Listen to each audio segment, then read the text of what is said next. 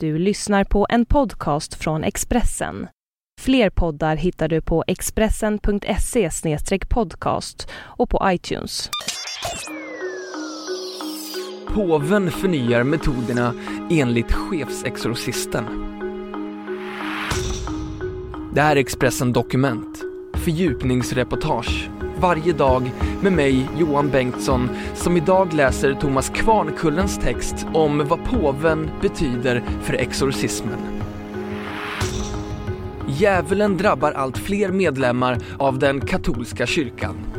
Det hävdar chefsexorcisten Gabriel Amort, som menar att metoderna för att driva ut onda krafter förnyats. En av dem som ska ha hjälpt till är den avgående påven Benedictus den 16.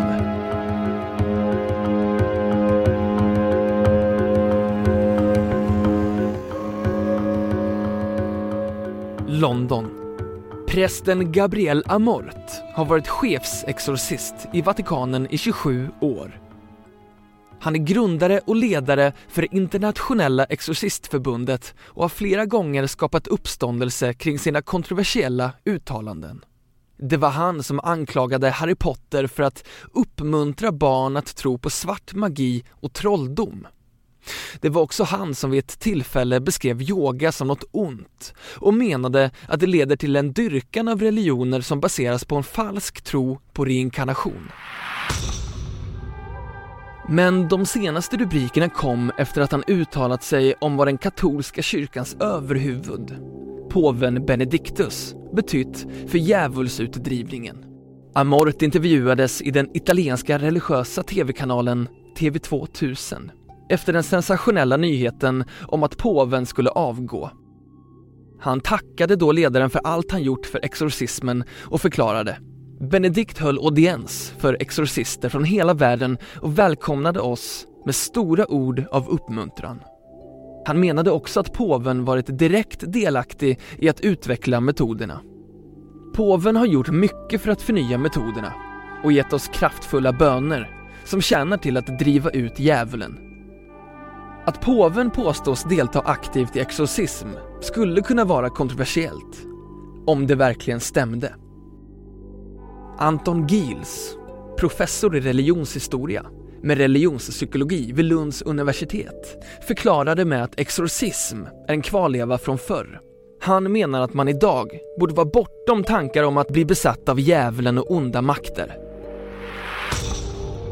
Vatikanen har vid tidigare tillfällen tvingats agera efter Gabriel Amorts uttalanden.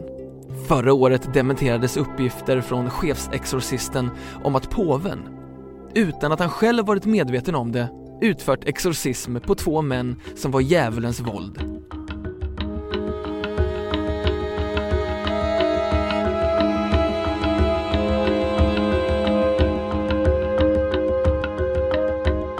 Expressen Dokument, en podcast från Expressen.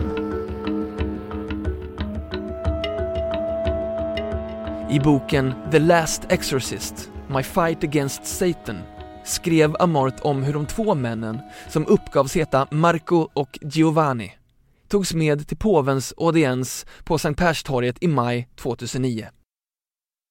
Påvens assistenter ska ha ordnat sittplatser åt de båda männen som sen uppmanats att försöka kontrollera sig själva. Mannen som kallas Giovanni ska då ha svarat, enligt Amort, med en röst som inte var hans egen. Han sa “Jag är inte Giovanni”.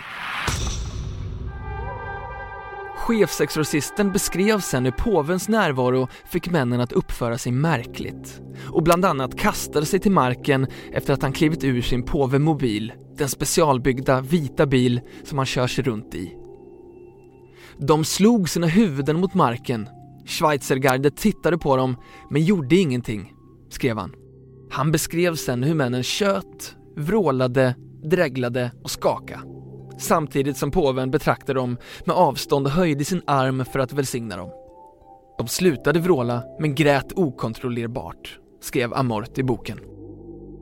Vatikanens talesman, Federico Lombardi, menade när han tillbakavisade påståendena att påven inte varit medveten om männens tillstånd och inte haft för avsikt att utföra exorcism. Att driva onda andar, eller djävulen, förekommer i de flesta religioner. Det finns inom både kristendom, buddhism, judendom, hinduism och islam. Tanken att det finns onda makter som kan störa människan finns i många religioner. Jag har rest mycket i Asien och Indonesien. På Bali, när folk bygger hus, då ser man till att man måste svänga minst en gång 90 grader för att komma till huset. Det är för att demonerna inte kan svänga 90 grader. De lever hela tiden med demontron och de har schamaner som driver ut demoner, säger Anton Giels. Även i Sverige har flera fall av exorcism uppdagats.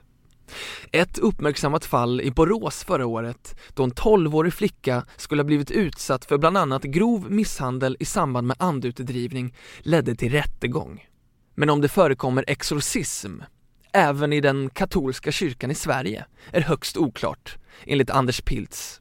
Anders Piltz är katolsk präst och biskopsvikarie i Stockholms katolska stift. Det finns ett sådant bruk som man tar till när andra medel är utdömda, alltså när psykologiska metoder inte längre räcker till.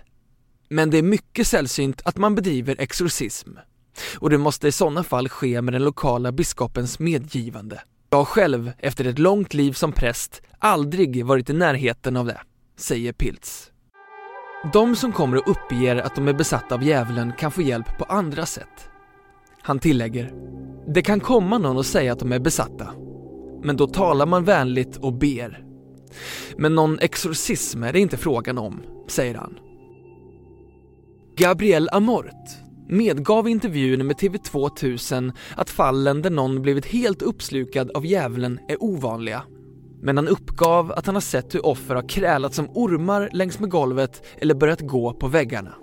Fallen där djävulen orsakar störningar har blivit extremt vanliga, menar Amort, men sa att det är ett problem att många präster och biskopar inte vill befatta sig med metoderna. Anders Pilz tror inte att exorcismen är på utdöende inom den katolska kyrkan. Eller om de exorcister som finns kvar påverkas av att det kommer en ny påve efter Benedictus som avgår på torsdag. Jag tror inte att exorcismen står högt upp på agendan. Det kommer att finnas i samma utsträckning som tidigare och det kommer inte att vara en stor del av kyrkans agenda, säger han. Du har hört Expressen Dokument, ett fördjupningsreportage om vad påven betyder för exorcismen av Thomas Kvarnkullen som jag, Johan Bengtsson, har läst upp.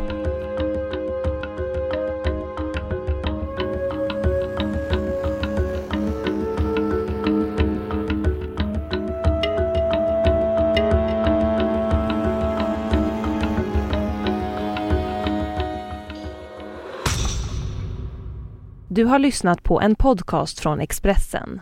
Ansvarig utgivare är Thomas Mattsson. Fler poddar finns på Expressen.se och på iTunes. Ett poddtips från Podplay. I fallen jag aldrig glömmer djupdyker Hasse Aro i arbetet bakom några av Sveriges mest uppseendeväckande brottsutredningar. Går vi in med hemlig telefonavlyssning och, och då upplever vi att vi får en total förändring av hans beteende. Vad är det som händer nu? Vem är det som läcker? Och så säger han att jag är kriminell, jag har varit kriminell i hela mitt liv men att mörda ett barn, där går min gräns. Nya säsongen av Fallen jag aldrig glömmer på Podplay.